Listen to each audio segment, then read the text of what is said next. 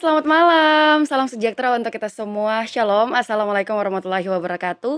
Om Swastiastu, Namo Buddhaya, salam kebajikan. Selamat datang di podcast PCPen, teman-teman semua. Senang sekali saya Anastasia Lensun dapat menyapa teman-teman malam hari ini. Teman-teman, podcast PCPen ini adalah kerjasama Kominfo dan Komite Penanganan COVID-19 dan Pemulihan Ekonomi Nasional yang di mana di sini kita berbagi informasi mengenai penanganan COVID-19 dan pemulihan ekonomi nasional yang disiarkan langsung dari beberapa daerah di Indonesia. Malam hari ini podcast PCPN kita masih live dari studio Tribun Manado dan kali ini kita akan ngobrol-ngobrol mengenai masyarakat Kota Manado yang memiliki peran penting dalam penanganan COVID-19. Karena tidak semua orang ini bisa kuat terpuruk saat pandemi. Bahkan terkadang ada yang bisa dikatakan untuk menolong diri sendiri saja itu sudah cukup berat. Nyatanya masih banyak orang-orang Manado yang hebat yang menjadi orang yang dapat diandalkan dan mempunyai kekuatan lebih untuk menjaga sesama. Untuk itu sudah hadir bersama saya di studio dua orang pahlawan Manado nih. Yang pertama ada Kak Kristi Sondak, seorang perawat pasien COVID-19. Selamat malam Kak Kristi. Apa kabar? Puji Tuhan. Wah hebat banget nih akhirnya saya bisa ketemu langsung sama Ya. Kak Kristi di sini ya. Kemudian ada juga nih sosok pahlawan yang sebenarnya ini tuh saya sendiri baru pertama kali ketemu langsung nih teman-teman. Ada Kak Teddy Landung sang Manado Spidey yang sebenarnya orang nggak tahu nih. ini dia ya aktor sebenarnya di balik eh, kostum Spider-Man yang sering keliling-keliling di kota Manado membagikan sembako dan lain sebagainya. Apa kabar Kak Teddy? Puji Tuhan, sehat-sehat. Sehat ya. Semua. Akhirnya loh ya saya bisa ketemu. Oh ya, sebelumnya terima kasih banyak sudah mau berkesempatan hadir Ya, sama-sama. dan ngobrol-ngobrol bareng kita eh, malam hari ini ya. Nah, mungkin saya langsung ke Kak Kristi terlebih dahulu ya. Kak Kristi, ini kan kalau kita lihat ya mungkin bisa dikatakan tren COVID-19 sudah mulai cukup turun ya di Sulawesi Ya. Utara. Bahkan kalau kemarin saya ngobrol sama Pak Kadis, update kemarin ini tinggal enam orang yang dirawat begitu. Dengan adanya fakta ini, apakah bisa dikatakan nih Kak Kristi sudah bisa cukup bernapas lega atau seperti apa Kak Kristi? Eh, untuk bernafas lega di saat pandemi ini yang sedang landai, jujur sebagai nakes belum boleh dikata bernafas lega. Belum bisa bernafas Ya. lega walaupun sudah turun. Walaupun sudah landai-landai. walaupun sudah landai. Tapi untuk Hmm, kami para nakes boleh dikata pantang untuk bernafas lega. Oke. Karena di luar em, informasi yang mengatakan bahwa COVID ini sudah landai, Mhm. tapi di luar sana masih banyak info-info, update-update terbaru. Jadi boleh dikata untuk bernafas lega belum boleh. Kenapa kalau- belum boleh gitu? Karena Oh, informasi-informasi apa aja gitu kira-kira Kak? Ketika ada terjadi mutasi gen, Oke. varian baru yang akan Hmm, muncul yang sedang ya. Mhm. panas-panas di telinga masyarakat, bisa jadi kalau misalnya nakes bernafas lega otomatis akan terjadi kelonggaran. Mm-mm. Oke. Kita akan longgar. Berarti jangan lengah ya. Iya, jangan lengah. Jangan lega, tapi tidak eh, jangan lengah tapi tidak juga bisa lega dong berarti. Betul. Kalau tidak lega terus selama pandemi ini dari awal masuk sampai sekarang walaupun sudah cukup renggang begitu, yang lebih dirasakan Kak Kristi apa sih? Kalau dirasakan secara pribadi, ya mungkin bagaimana ya? Mau bilang pun beraktivitas, mungkin sudah mulai longgar, tapi tetap dengan protokol. Oke. Terus untuk di saat sekarang, ya kita lihat saja bagaimana kita beraktivitas. Yang penting pada dasarnya ketika dikatakan waktu masih longgar atau masih landai, tetap protokol. Tetap protokol Iya. ya. Dan memang sudah cukup tidak eh, sepadat yang waktu Sepadat awal-awal yang ya, awal-awal. Ya. Oke, eh, berarti bisa dikatakan eh, apa ya? Bukan juga harus lengah atau eh, bisa dikatakan sebenarnya udah cukup lega, tapi tidak boleh lengah begitu ya. Iya, Kak? betul. Oke, saya bergeser dulu ke eh, Kak Teddy nih. Yang menjadi pertanyaan saya justru di awal nih Kak Teddy, eh, kenapa sih? Kenapa gitu? Hah? Mau bagi sembako, mau bantu orang di masa pandemi harus pakai baju Spider-Man gitu. Kenapa nggak harus ngasih aja sih Kak gitu langsung kan bisa kita langsung kasih sembakonya atau eh, nggak perlu kalau orang Manado bilang tambah-tambah urusan Jo gitu harus pakai baju Spider-Man. Alasannya kenapa sih Kak? Oke, terima kasih. Eh, saya cerita dari awal ya. Dari Oke, awal kenapa mhm. saya jadi Superman dulu. gitu. Oke. Eh, saya itu seorang guru. Oh, I see. Mhm. Kalau seorang guru itu terlibat dengan anak-anak. Ya, emosinya kita terlibat dengan anak-anak.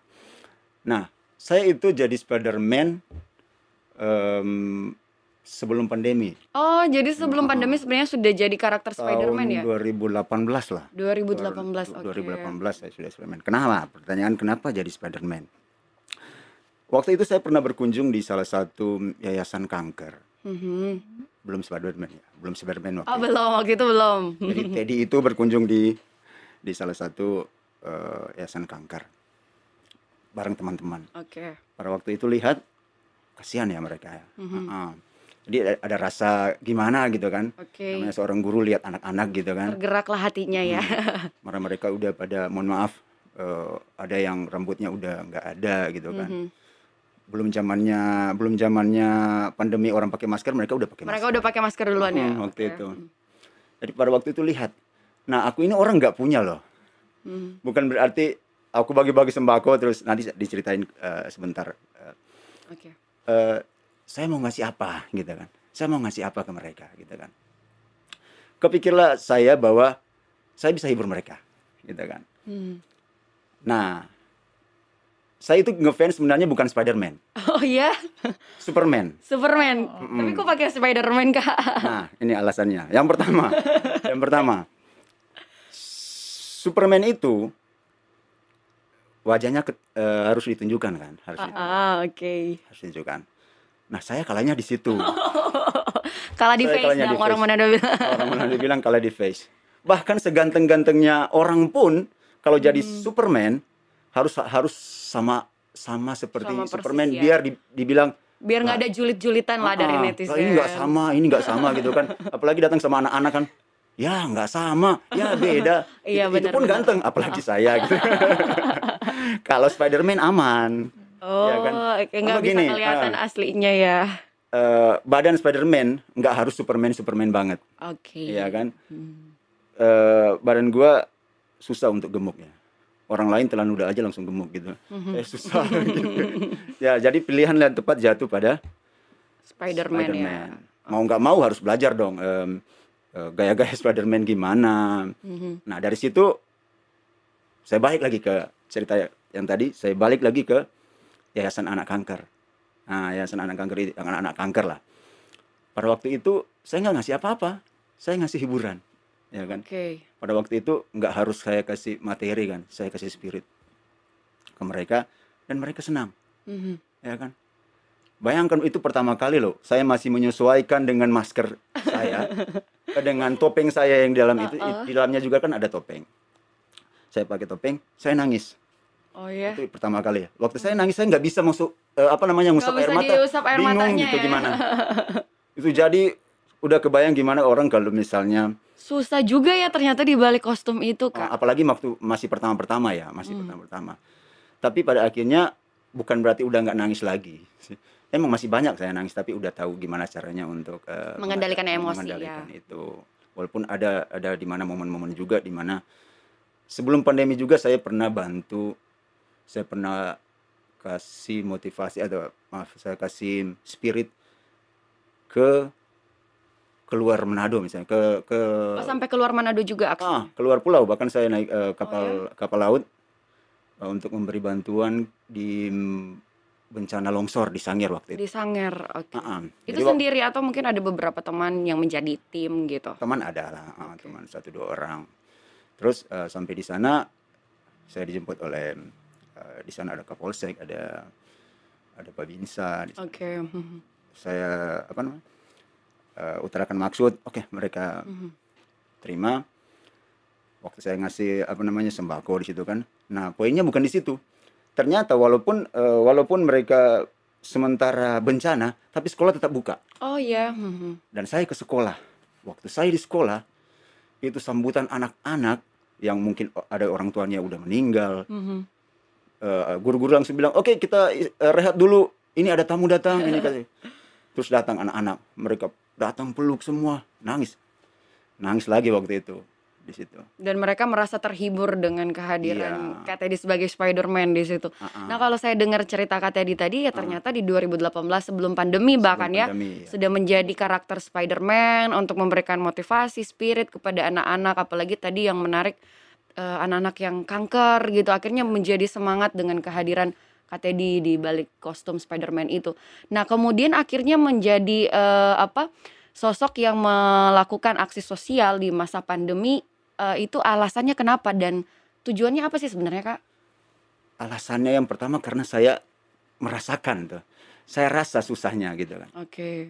Hmm. Saya pun gini udah rasa susahnya gimana, apalagi orang yang saya lihat, eee, mungkin berada yang nggak nggak semujur saya gitu waktu itu ya, bukan saya ya. Waktu itu saya lihat, eee, ada orang-orang tua yang jualan, Mhm. ada yang di jalan bawa sapu jalan ya, ada yang di jalan bawa buah-buah, ada yang, eee, apa, nongkrong di depan apotik gitu saya lihat. Oke. S eee, rasa empati saya muncul kan. Mhm. Saya aja rasa susah gitu kan, gimana mereka gitu kan, gimana mereka. Itulah dasar sampai, eee, di pandemi ini tetap. Sedangkan sebelum pandemi aja kita bergerak apalagi udah pandemi gitu. Tapi kalau Kak Teddy bilang tadi, "Saya bukan orang yang punya, saya orang yang sederhana." Lalu, eee, sembako-sembako yang dibagikan itu didapatkan dari mana, Kak? Oke, yang pertama yang pertama sih, eee, waktu sebelum pandemi itu akhirnya saya pernah viral. Oh, pernah Pernah viral, viral, oke. ada berapa kali viral sih, waktu-waktu sebelum pandemi viral itu pertama waktu saya naik naik ojek. Oh, oke, iya Waktu iya saya, iya. eee, ke suatu tempat naik ojek, itu viral, "Wah ini Spiderman naik ojek." Gitu kan. Oke. Spiderman naik ojek. Nah, dari situ, mmm di tempat-tempat hiburan ada yang bilang, "Boleh nggak ke sini boleh nggak ke sini?" Oke lah, saya ke sana. Dan ternyata dari situ saya dapat, eee, dapat income dari itu. Mhm. Dan akhirnya dapat income. Tapi waktu saya dapat income, eee, saya berpikir begini, harus kembali kepada tujuan awal saya. Bahwa tujuan saya adalah charity, Mhm. bukan untuk, eee, mencari keuntungan dari Spidey ini, dari Spiderman ini. Maka, eee, saya buat nasar. Waktu buat nasar, pendapatan yang saya terima dari itu, ada sekian persen yang harus, eee, disendirikan untuk mereka. Jadi walaupun saya Wow. udah nggak makan, walaupun sudah apa, tapi kalau, eee, porsi yang itu udah mencukupi, udah, eee udah pas untuk saya melakukan melakukan aksi, tetap harus beri. Wow. Nggak nggak nggak harus diambil untuk, "Eh, saya nggak makan nih, ini porsi saya, pinjam dulu dari sini." Bahkan rela nggak makan untuk berbagi Nah. kepada mereka yang Tapi berkekurangan ya, puji ya? Tuhan, nggak pernah sampai nggak makan dong. Ada berkat tersengalir ya di balik itu ya. Salut banget sih. Iya. Tepuk tangan dulu dong buat Kak Teddy. Wow, awalnya. keren keren keren. Eee, ternyata walaupun ya di masa pandemi ini kita sendiri merasakan kekurangan ya, karena memang Heeh. semua sektor ini terdampak. Jangankan kita yang misalnya karyawan swasta dan lain sebagainya. Pemilik-pemilik perusahaan pun terdampak dengan adanya pandemi ini kan gitu ya. Jadi kalau seperti Kak Teddy bilang tadi memang, eee, kita melihat mereka yang susah dan kemudian tergerak ini menjadi, eee, apa ya, kepuasan ketika kita bisa membantu ya, Kak Iya. Teddy. Nah, dalam hal membantu pun Kak Kristi juga sebenarnya ini membantunya sudah di luar pekerjaan ya, Kak. Kristi, karena harus dituntut, eee, misalnya kerjanya shift-nya sudah di luar gitu ya kan. Terus harus siap kapan pun selama masa pandemi ini. Iya, betul. Dan yang paling berat juga sebenarnya adalah meninggalkan keluarga ya, Kak, ya. Iya, betul. Terpisah dengan keluarga, dengan anak. Kenapa sih, Kak, memilih untuk bisa terpisah sama keluarga dan anak gitu? Eee, awal cerita sih semenjak pandemi Covid 2020 ketika diketahui ada Mhm. pas ada pasien yang terinfeksi Covid-19. Pertama, sebenarnya sudah bulatkan tekad untuk memisahkan diri dari keluarga, Mhm. terutama orang tua yang punya komorbid penyakit yang boleh dikata gampang sekali terinfeksi dan anak-anak balita. Oke. Anak saya balit mmm, yang cewek, yang anak kedua itu 3 tahun, yang Mhm. pertama cowok 6 tahun. Mmm, sebenarnya sih berat untuk Berat ya? berat Mhm. sekali Berat apalagi banget. sebagai sebagai seorang Heeh. ibu harus Iya, berpisah bener. jauh, eee, mengorbankan perkembangan mereka, tidak Akhirnya bersama-sama dengan mhm, kami melewati masa-masa pertumbuhan mereka Iya, juga ya, Kak, ya? Bulatkan tekad sih mereka terpisah dengan kami bersama suami sekitaran bulan Juni 2020. Berarti sudah satu tahun lebih ya sampai Iya, sekarang ya? sampai Hampir mau sekarang. dua tahun justru. Iya, mas sampai sekarang masih terpisah. Kenapa harus berpisah? Karena yang saya pikirkan ketika saya merawat pasien COVID, otomatis walaupun tidak disengaja saya pasti akan terinfeksi. Betul. Mhm. Jadi ketika saya memilih saya menjadi seorang nakes, terutama perawat, saya tahu risiko apa yang akan terjadi ketika saya harus merawat pasien ini. Boleh dikata ya inilah risiko pekerjaan saya. Resikonya ya. Mhm. Jadi mulai dari Juni 2020 sampai sekarang mereka diungsikan dalam Jadi selama ini memang nggak sama sekali ketemu kak? Atau mungkin ada pernah kami ketemu yang yang memang kami tidak ketemu sama sekali dari bulan Juni 2020 Mhm. sampai Januari 2021. Wow. Komunikasi hanya via Video call. video call. Mhm. Terus memberanikan diri mengajak mereka pas bulan Juni. Juni. Juni Barusan tahun ini, ini barusan 2021. ini Oke. untuk liburan ke Manado. Mhm. Memang Oh pada anak-anak di Minahasa Minahasa Selatan. Selatan. Oke. Iya. Memang memberanikan diri mungkin boleh dikata agak lengah Mhm. karena waktu bulan Juni Juli itu boleh dikata kasus Covid itu da- landai kembali Udah landai ya waktu itu. Ya. Oke. Antar mereka ke Manado dan sesuatu yang na- tidak bisa kami bayangkan kami sekeluarga terinfeksi bersama Wah. anak-anak. Saking karena Saking bisa menahan rindu. rindunya ya. Iya. Tapi sa- akhirnya sempat terinfeksi satu Iya, keluarga satu gitu. keluarga kami terinfeksi. Wah, sayang Bulan banget. ya. Juli kalau tidak salah ingat tanggal 15. Jadi akhirnya keluarga di Minahasa Selatan, Selatan harus isolasi juga ya, Kak ya? Em, anak-anak dibawa ke Manado, orang Mm-mm. tua tetap di Minahasa Selatan. Mm-mm. Jadi yang terinfeksi di rumah kami yang di Manado, suami, saya, tante saya yang menjaga kedua anak saya dan keponakan saya. Wow. Jadi selama kami terinfeksi kami ya jujur em, sadar karena kami terinfeksi kami menutup akses untuk be- berinteraksi dengan tetangga. Betul. Hmm. Karena ya mungkin boleh dikata karena rasa rindu. Karena rasa rindu yang sudah Ya, tidak bisa sudah ditahan ya, Kak ya. orang tua yang ingin Apalagi ketemu hampir setahun nggak ketemu Iya, gitu. di situ kami lengah, terinfeksi. Dan, Dan- bahkan satu keluarga ya, Kak ya. Iya. Wow. Sayang banget. Tapi abis itu setelahnya semua baik-baik aja kan, Kak? ya? Setelahnya kami bawa ulang. Kami kembalikan mereka di Minahasa Selatan. Mm, tapi udah dalam keadaan baik-baik Iya, semuanya ya. mereka sudah dinyatakan bebas dari COVID. Baru kami kembalikan kepada oma opa mereka karena Hmm. kalaupun kami mengembalikan mereka di saat mereka masih terinfeksi, kasusnya lebih besar lagi. Oma opanya pun akan terinfeksi. Mereka berdua akan bawa virus kepada oma opanya. Terus setelah itu udah nggak ketemu lagi kak. Setelah terpapar sudah Kalau- sehat semua dan kemudian eh, sampai akhir ini itu di bulan Juli kan ya. Iya. Sampai sekarang masih tahan-tahan lagi untuk ketemu. Bulan Juli em, berhenti bertemu, Agustus dapat tugas lagi di ruangan COVID. Sempat bertemu bulan lalu. Sempat ketemu bu- Iya, bulan lalu. bulan lalu. Eh, di momen ini adalah kalau bisa dikatakan momen berat banget ya kak ya. Berat sekali. Selama melewati momen ini eh, apa yang eh, hal yang paling challenge buat kak? Selama melewati momen bersama yang Terpisah. eh, yang terpisah dan akhirnya bisa ketemu tapi akhirnya ternyata terpapar juga keluarganya gitu. mewek ya. Kenapa? Eh, jangan jangan nangis ya. Saya nanti terharu juga nih gitu. Eh, dari sisi apa em, emosionalnya itu jadi challenge terbesar ya kak ya. Iya. Secara emosi ada tanggung jawab yang memang harus kami korbankan. Ada ada yang harus kami prioritaskan Mm-mm. dan otomatis kami korbankan itu dalam tanda kutip adalah keluarga kami. Oke. Ketika kami harus merawat mungkin ini curhatan para nakes. Iya. Ketika kami harus merawat pasien yang terinfeksi COVID, keluarga kami menjadi barisan nomor dua. Hmm, oke. Hal yang terpenting adalah pasien, ya. Pasien, ya benar. Keluarga jadi nomor dua Ya akhirnya. benar. Dan rasa rindu jadi nomor tiga. Ya, bisa dikatakan demikian. Iya iya benar-benar. Nah ada nggak sih Kak Kristi kira-kira cerita dari pasien yang kemudian mempengaruhi hidup Kak Kristi gitu saat merawat khususnya uh, di gelombang kedua ini Juni sampai Juli 2021? Gelombang kedua sekitaran bulan Juli Agustus. Ya, saya ditugaskan kembali di ruangan COVID. Ada seorang oma.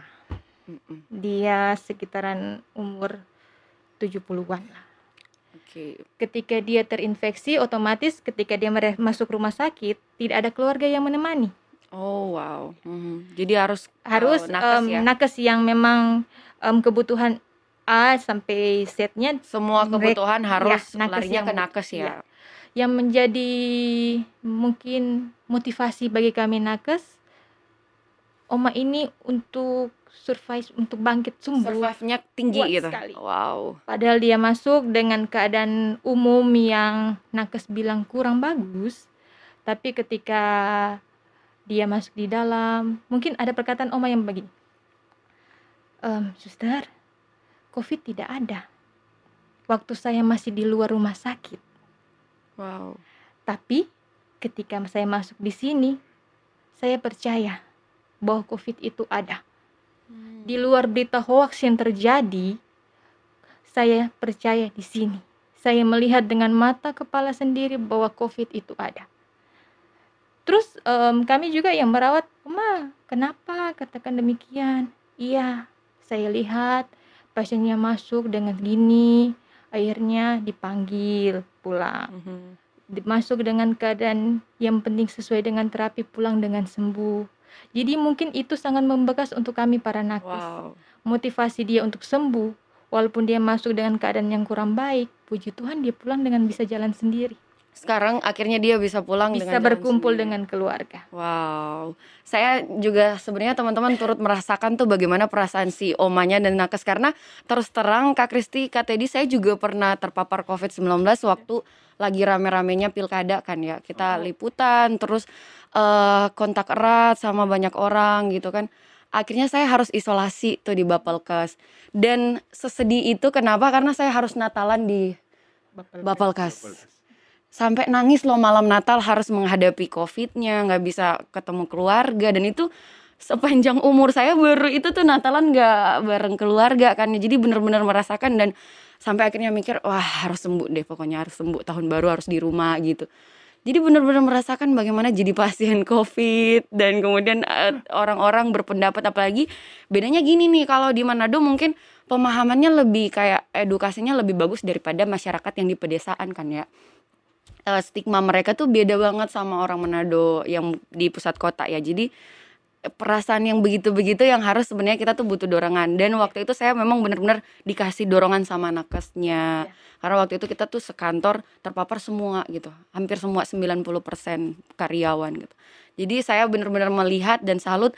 Waktu itu aku juga ngomong sama eh, petugasnya, "Kak, pakai asma tuh susah nggak sih gitu seharian gitu ya susah lah dek tapi ya mau gimana lagi kerjaan kita gitu dan mereka setelah merawat kita setelah keluar dari eh, apa eh, shiftnya selama dua minggu harus karantina juga ya ternyata ya Iya. dan harus dites dulu lagi. Mm, gitu jadi eh, nggak langsung bebas tugasnya langsung pulang tapi harus karantina dulu Iya, betul. Wow, ini sih apresiasi banget ya untuk para nakes gitu. Eh, dan bahkan banyak orang yang tidak menyadari peran dari nakes ini gitu di balik layarnya tuh seperti apa. Sama halnya sebenarnya dengan peran Pak Teddy gitu. Secara secara di balik layarnya identitasnya tuh Pak Teddy sebenarnya Kak Teddy sebenarnya kurang ditahu banyak orang gitu ya. Walaupun eh, banyak perbuatan baik yang dilakukan, orang mikirnya si Spider-Man baik, bukan si Teddy baik gitu. Kenapa sih sulit banget mendapatkan identitasnya, Kak? Eh, gini ya, kalau itu memang udah komitmen dari pertama, udah komitmen. Bukan berarti nggak mau nunjukin muka saya karena saya jelek atau gimana atau gimana. Tapi Murni pada, dari hati pengen ngebantu gitu. Ah, ah. terus gini, saya punya prinsip ya, bukan berarti prinsip yang lain salah gitu ya. Saya punya prinsip bahwa eh, membantu orang itu, menurut saya ya, menurut saya nggak perlu nunjukin siapa saya loh. Oke. Ah, ah. sebisa kalau nggak bisa nunjukin ya nggak apa-apa. Tapi kalaupun akhirnya eh, bukan berarti kan Teddy nggak bisa bantu. Bukan berarti oh berarti dong kalau kalau gitu yang yang Spiderman ya tukang bantu tapi kalau si Teddy enggak, bukan bukan Oh, bukan oke. begitu. Hmm. Tapi eh, justru saya jadi dua kepribadian akhirnya. Heeh, dua Iya ya. kepribadian. Bahkan eh, istri saya juga bilang, kamu itu jadi dua kepribadian, jangan di rumah jadi, jadi Spiderman ya, gitu ya. Jadi menurut saya kalau mau eh, mau berbagi kebaikan, nggak nggak harus nunjukin siapa saya gitu. Atau Oke. dalam kata lain, kalau tangan kanan tahu, ya tangan kiri kiri nggak usah Tangan tahu. kanan memberi, iya. tangan kiri nggak usah perlu tahu nggak ya. perlu tahu Oke, gitu lah. wah Menurut saya gitu. Um, tapi akhirnya, di Akhirnya sini sekarang ya, muncul ya. sekarang muncul ke permukaan bahkan muncul. live loh ini kak. Iya loh. Heeh. Waktu saya ditelepon, saya ditelepon eh, sama kru ya, di, di- dikatakan begini. Oke, saya nanya, Pak, atas dasar apa? Lo, lo kok saya dipanggil gitu kan? Oh, karena Bapak ini ada melakukan aksi ini sebagai Superman. Loh, tahu dari mana? lah, tahu lah Pak. Ya, oke, kita nggak usah bahas itunya, tapi terus saya diundang sebagai Superman atau sebagai Teddy nih? saya nanya gitu, sebagai Teddy Pak. Oh, berarti saya ketahuan dong. Iya kan saya nanya begitu. Terus ya kan Pak kita hanya mau sharing bagaimana untuk supaya kita mau berbagi kebaikan, estafet kebaikan lah. Mhm. Oh gitu ya. Karena alasan itulah sampai saya eh, terima akhirnya identitas Oke. saya di sini Ketahuan dah. ketahuan ya Sudah kan. apa tahu orang Manado bilang kan? Walaupun memang nggak nggak nggak buka masker kan di sini. Jadi nggak Iya. nggak ketahuan Ya, tapi ketahuan sudah amat disebut tedinya Iya. kak. Tapi kalau mereka kepo kan mereka nggak akan cari. Tapi Uh-uh. kalau orang Manado eh, kalau untuk gini nggak nggak harus cari kepo. Saya Nggak terlalu kepo ya orang Manado gitu. ya Ah. gitu. Oh. Tapi sebenarnya pekerjaan aslinya apa sebenarnya kak? Pekerjaan aslinya saya Tetap ini guru, seorang- cuma eh, guru atau enggak, ada kerjaan lain lagi? saya ini seorang musisi. Oh musisi juga ya. Eh, saya asesor musik nasional, Wow. uh, uh, asesor musik nasional, Mhm. pencipta lagu, Wow. terus em, guru, akhirnya guru, ya guru musik ya, Oke. Guru musik. Berarti selain guru musisi juga ya tadi pencipta Musisi. lagu. Terus gimana dong kak kalau teman-teman kantor di eh, sekolah ataupun teman-teman di musisi tahu nih eh, si Teddy ternyata orang di balik kostum Spider-Man itu gitu. Eh, tanggapan kak atau mungkin eksp- eh, apa namanya ekspektasinya kak kemudian mereka tahu tuh seperti apa? Sebenarnya kalau mereka pun tahu, nggak nggak nggak Oh, jadi masalah ya? jadi masalah. yang yang yang jadi yang jadi masalah adalah kalau mereka nggak tahu. Kalau mereka ketemu saya, mereka nggak tahu kan. Agak ketawa-ketawa sendiri dalam kostum ya. Ah, contoh nih, ada misalnya ada pengalaman ada- seperti itu. banyak. Jadi Oh, contohnya gini ya, contohnya gini. Waktu saya saya di pusat keramaian gitu, saya bisa lihat, wah ini ini dalam tanda kutip ya, ini teman saya bi- eh, eh, jalan sama bukan pasangannya nih, gitu kan pernah ya. Mhm. Atau waktu mereka Ketahuan dong ya. Ah, ketahuan dong. Atau ada yang lewat, sweet sweet gitu kan. saya pikir gini, dalam bahasa Manado ya, ngana kalau buku dapetin tadi kita mau togor ngana mau bajau ngana. Ini Spiderman Badekat. Badekan-badekan. Spiderman, hai. Atau bisa minta foto? Oh, silakan. Oke, kalau Spiderman lu, lu minta foto, tapi kalau Teddy lari jangan lu, lu, lu jangan. Nanti jelek foto gua gitu. Kalau Padahal sama tahu. amit-amit gitu ya, Ah, tapi kalau tahu. spider mereka malah deket-deket minta foto gitu ya. Eh, ada nggak sih kak pengalaman tidak baik eh, saat menggunakan kostum Spider-Man mungkin? Pengalaman tidak baik jarang sih. Makanya sampai sekarang eh, tetap semangat karena pengalaman tidak baik ah, ada satu dua lah, ada satu dua yang mungkin nggak tahu, mungkin mereka terlalu Apa tuh kira-kira? Em, kayak kata-kata yang nggak pantas gitu kan, tapi hanya satu dua. Ini orang gila nih, maaf, maaf ya, maaf ya. Oh tapi pernah terdengar kayak Kak Teddy lewat tuh terus ada yang maki-maki atau bilang orang gila gitu ada? Ada satu dua. Wow. ini ngapain panas-panas pakai gini kan gitu ada satu tapi jarang sedikit sedikit Hmm, dan itu cuman kayak eh, kata-kata Ah, aja kan yang nggak ah. pernah main fisik gitu. Enggak. Atau mungkin ada pengalaman kayak misalnya Kak Teddy lagi ngehibur orang di pusat eh, kota, di pusat perbelanjaan atau mungkin di tempat-tempat umum, terus ada orang yang tidak senang terus akhirnya melakukan hal-hal yang tidak menyenangkan dalam hal ini sudah sampai menyentuh fisik itu ada Oh, nggak enggak sih? pernah Nggak pernah aman-aman aja ya Aman, selama aman ini. Oke. Nah, eh, sebenarnya untuk aksi-aksi sosial yang Kak Teddy bikin nih yang bagi sembako buat eh, atau bantuan-bantuan di masa pandemi ini sebenarnya dilakukan ini ada kerjasamanya gitu Kak atau ada kolaborasi dengan pihak lain gitu atau gimana nah Kak? itu eh setelah melakukan aksi itu sendiri dan Mm-mm. akhirnya banyak loh donatur-donatur yang yang ngontek gitu kan. Pernah juga dari donatur yang eh, kasih ada beberapa ya kan ada yang dari Amerika, ada yang dari Surabaya gitu kan. Ada yang menjadi donatur tetap malahan eh, mereka sering bantu. Nah, sering kali pun eh nah di sini di sini di Manado kita bisa lihat bagaimana eh, solidaritas orang Manado nih. Eh, waktu sering kali kan sering kali saya turun ke jalan, turun ke jalan. Eh, kalau saya misalnya ada donatur yang belum belum belum ngasih nih. Mhm. Terus ada satu orang eh, pernah ada satu kasus di mana ada anak dia udah 11 tahun kalau nggak salah dari umur enam tahun dia sakit. Wow. Dia udah 11 tahun, badannya udah kurus, kepalanya udah besar Hmm. gitu. Saya dapat di media sosial, ah, tersentuh hati saya kan, gitu kan. Wah, waktu dapat itu ini porsi yang yang saya sendiri kan belum ada gitu kan. Masih sedikit. Oke. Akhirnya saya turun ke jalan, aksinya turun ke jalan. Eh, Galang bantuan. Waktu galang bantuan, di situlah saya melihat orang Manado solidaritasnya tinggi. Wow. Jadi nggak pandang nggak pandang dia agama apa gitu. Mhm. Saya lihat ada preman yang ngasih, ada preman eh, ada ada Pedagang. pedagang yang ngasih gitu kan. Ada banyak eh, banyak dari eh, masyarakat yang ingin memberi bantuan. Nah, akhirnya bantuan itu saya serahkan sendiri ke ke anak tersebut.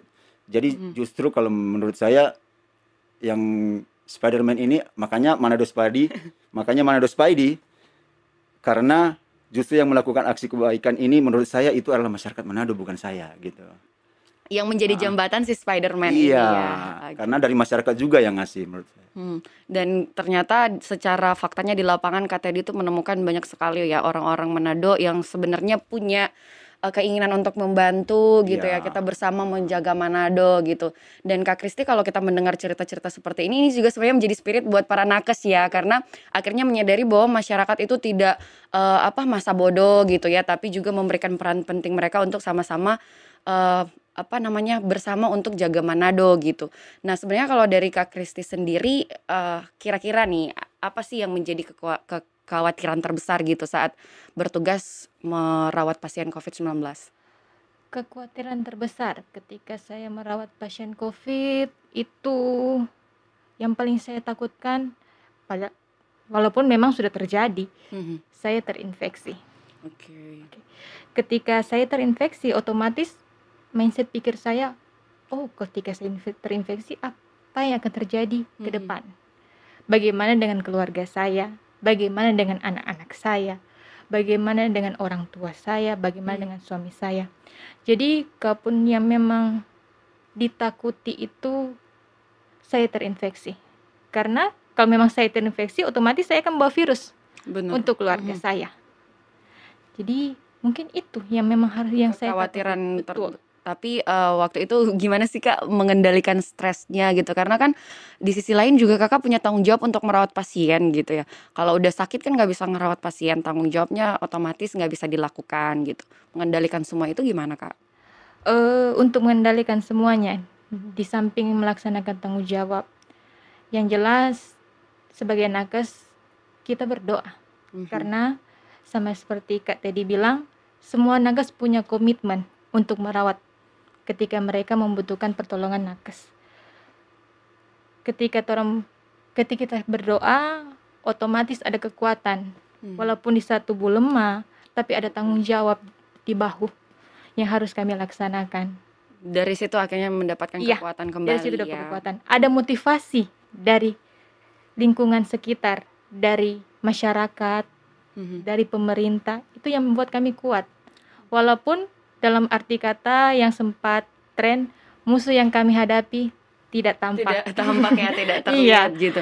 Nah, tidak tampak dan tidak terlihat. Betul. Terus kalau selama merawat pasien nih Kak Kristi, kira-kira ada nggak sih pasien yang dirawat gara-gara abai prokes gitu? Kalau untuk kami telusuri untuk AB em, prokes, Mm-mm. mungkin kami tidak sampai untuk mengkaji sampai di situ karena pada dasarnya ketika mereka terinfeksi COVID kebanyakan mereka tidak jujur. Oh iya. Mereka tidak jujur. Oh iya, sebenarnya waktu pengalaman saya Iya. juga, kita tuh udah sakit dua orang di kantor, Kak. Terus mereka nggak pada mau swab. Iya. Ketika saya sakit, saya yang swab duluan akhirnya. Ketika saya ketahuan baru deh semuanya di tracing gitu. Iya. Akhirnya yang ya ya sebut saja X lah ya. Hmm. Ah. Ngano kok piba periksa Nah. begitu loh. Akhirnya ngano kok piba periksa akhirnya semua orang mesti periksa. Hi, kan mesti kesadaran orang masing-masing gitu. Betul. Dan akhirnya ya karena memang Tasya sadar bahwa harus diperiksa, takutnya dibawa pulang ke rumah ketika Iya, betul. weekend gitu kan. Soalnya ketika pe- pengalaman hampir dua tahun ini, setiap pasien yang terinfeksi otomatis mereka akan minder. Mereka Hmm. mengunci diri. Bener, ya. Kalau boleh identitas mereka tidak diekspos. Tidak dikasih tahu ke Kalaupun publik. gitu mereka kan. ketahuan masuk rumah sakit, pasti jawaban mereka, oh cuma sakit biasa. cuma panas Iya. biasa. Karena di pikiran masyarakat bahwa ketika mereka terinfeksi COVID itu sebagai sebuah kutukan. Padahal ketika mereka terbuka, otomatis akan ada pertolongan sebelah kiri dan kanan dari mereka kasih motivasi. Walaupun pada dasarnya em, kemampuan orang itu berbeda-beda. Mhm. Ketika motivasi itu ada, menambah imun kita, semangat untuk sembuh lebih cepat.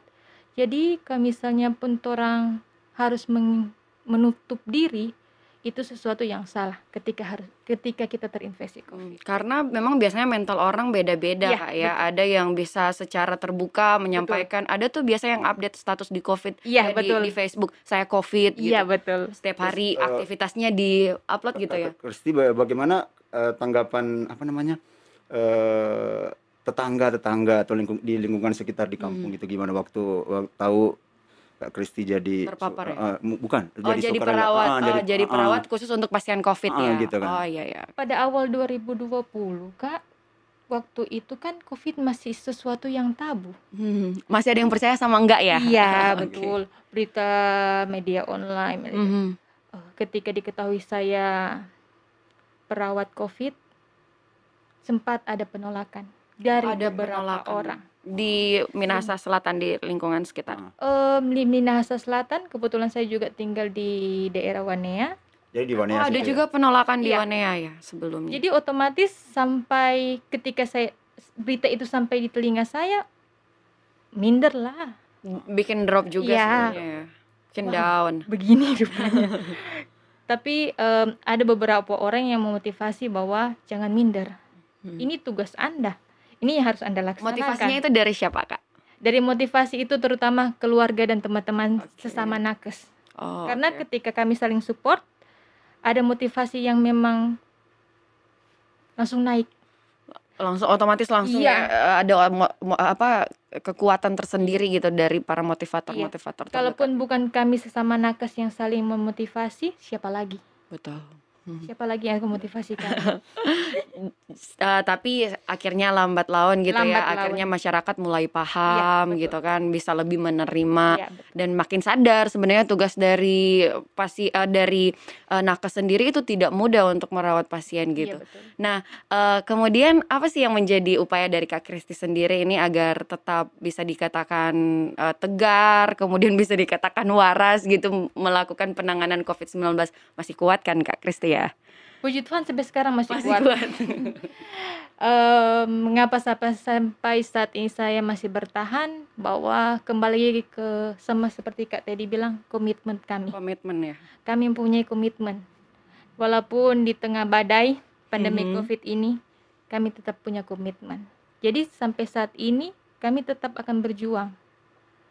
Sekuat apa pun kami, walaupun kami jatuh bangun, terinfeksi lagi, sembuh lagi, dan harus merawat lagi, ya itu komitmen kami. Komitmen sudah komitmen ya. Iya, ada sumpah yang harus kami selesaikan. Dan itu butuh dari hati memberikan diri ya Kak Betul. ya. Iya. Kalau Kak Teddy sendiri ke depannya Kak Teddy kira-kira rencananya bagaimana dari si Spider-Man ini, eh, Spidey Manado gitu. Apa sih sebenarnya yang menjadi pesan khusus untuk masyarakat Sulawesi Utara, Kak? pesan untuk masyarakat Sulawesi Utara. Sebenarnya saya akan tetap berbuat seperti apa yang akan saya lakukan. Bahkan kalau Rencana ke depan tetap berbuat ya? akan berbuat Walaupun pasca nanti eh, sudah tidak eh, bisa dikatakan lah pandemi sudah tidak ada gitu misalnya. kebaikan itu nggak perlu harus ada pandemi dong. Jadi akan tetap Terus. jadi Spider-Man terus ya kak ya? Ah, jadi harus tetap harus berbagi Buat kebaikan. keba- Hmm. Eh, saya pernah pernah ditanya oleh beberapa orang, bagaimana kalau ada Spiderman Spiderman lain, apa nggak merasa tersaingi gitu kan? saya bilang kalau ada seribu Spiderman asalkan dia satu tujuan sama seperti saya, saya lebih suka. Go ahead lah ya. Silakan, ya kan? Dan saya harap walaupun tidak jadi Spiderman yang lain-lain tidak jadi Spiderman, Mhm. tetap lakukan kebaikan. Kebaikan tujuannya adalah satu ya kebaikan itu. Ah, kita mendapat senyum saja dari orang yang kita lakukan kebaikan, kita mendapat senyum. Menurut, menurut saya itu adalah doa dari mereka. Mungkin mereka nggak secara langsung mengucapkan doa, tapi menurut saya, saya dapat senyum saja dari mereka itu merupakan doa buat saya. Doa dan, Dan sudah- kita kalau orang selalu didoakan oleh orang, maka kita akan selalu diberkati dong. Ya. dan jadi berkat tersendiri ya ternyata kak Iya. tadi ya. Kalau pesan khusus untuk masyarakat Sulawesi Utara di masih eh, masa pandemi seperti ini apa pesannya kak? ya pesannya untuk karena selama mas- masa pandemi setelah tetap kita harus taati protokol kesehatan ya kan? Jauhi keramaian apalagi ini sudah mau Natal ya. Mm-mm. ada ada himbauan untuk kita di rumah saja. Taati pemerintah. Salah satu kebaikan juga itu dengan kita taat loh. Karena kalau kita taat kita nggak nularkan itu ke orang lain pandemi ke orang lain. Itu merupakan satu kebaikan menurut saya juga ya kan? Nggak perlu dengan harus berbagi sembako itu juga taat protokol kesehatan itu sudah sudah melakukan kebaikan menurut saya Kebaikan bersama menjaga kota Manado begitu iya ya. Kalau Kak Kristi sendiri, eh, saya juga pengen tahu nih Kak, karena kan eh, nyatanya seorang nakes pun butuh bisa dikatakan lah, mungkin ini agak sensitif kali ya, eh, seleri dan lain sebagainya untuk kebutuhan hidup gitu. Selama ini kan harus kerja dari pagi sampai pagi ya Kak. Eh, dari pemerintah sendiri perannya seperti apa? Kalau untuk tugas shift, eh, kami dibagi per shift. Kami dibagi per shift. Untuk pemer- peran pemerintah ot- sangat berperan sih untuk Hmm. kami para nakes. Selain menyediakan untuk alat APD yang harus kami gunakan, mungkin ada kalau bilang insentif kan ya agak Insentif, ya iya. agak sensitif Sensitif. sekarang tuh yang dimaksud Insentif. insentif itu itu yang sensitif Iya benar. mungkin insentif itu sangat membantu bagi kami para Oke. nakes selain untuk memenuhi kebutuhan kami kami juga harus memenuhi alat pelindung diri harus kami beli sendiri terus Oh itu juga harus dibeli sendiri APD? ada yang kami beli ada yang dibantu Oh oke. karena pada waktu masa pandemi covid masker saja sulit ditemukan. Sulit ditemukan. Iya benar. sulit Iya ditemukan benar benar benar. Padahal eh, masker kain saja sulit ditemukan, Mm-mm, apalagi yang betul. masker-masker yang kayak sini. Untuk untuk peran pemerintah sih, ya puji Tuhan sangat Membantu. berperan membantu untuk para kami para nakes. Walaupun pada dasarnya mungkin dalam tanda kutip em, ada beberapa yang memang belum menerima. Kalaupun di berita di luar sana yang menyatakan bahwa kami para nakes eh, membuat suatu dalam tanda kutip mengcovidkan pasien covid Sebenarnya itu tidak benar sebenarnya informasinya tidak ya. betul karena em, dihubungkan dengan insentif yang kami Betul. terima. Dan ngapain juga capek-capek Iya. mengcovidkan orang nakes aja bisa terpapar gitu ya akhirnya me- merelakan waktu bersama dengan keluarga gitu ya. Kemudian eh, mungkin ada pesan nih Kak Kristi dengan eh, tadi juga yang bilang bahwa masih banyak masyarakat yang punya pemahaman salah mengenai Covid ini. Pesan untuk masyarakat gitu Sulawesi Utara terkait dengan prokes ini dan juga semangat untuk sesama nakes.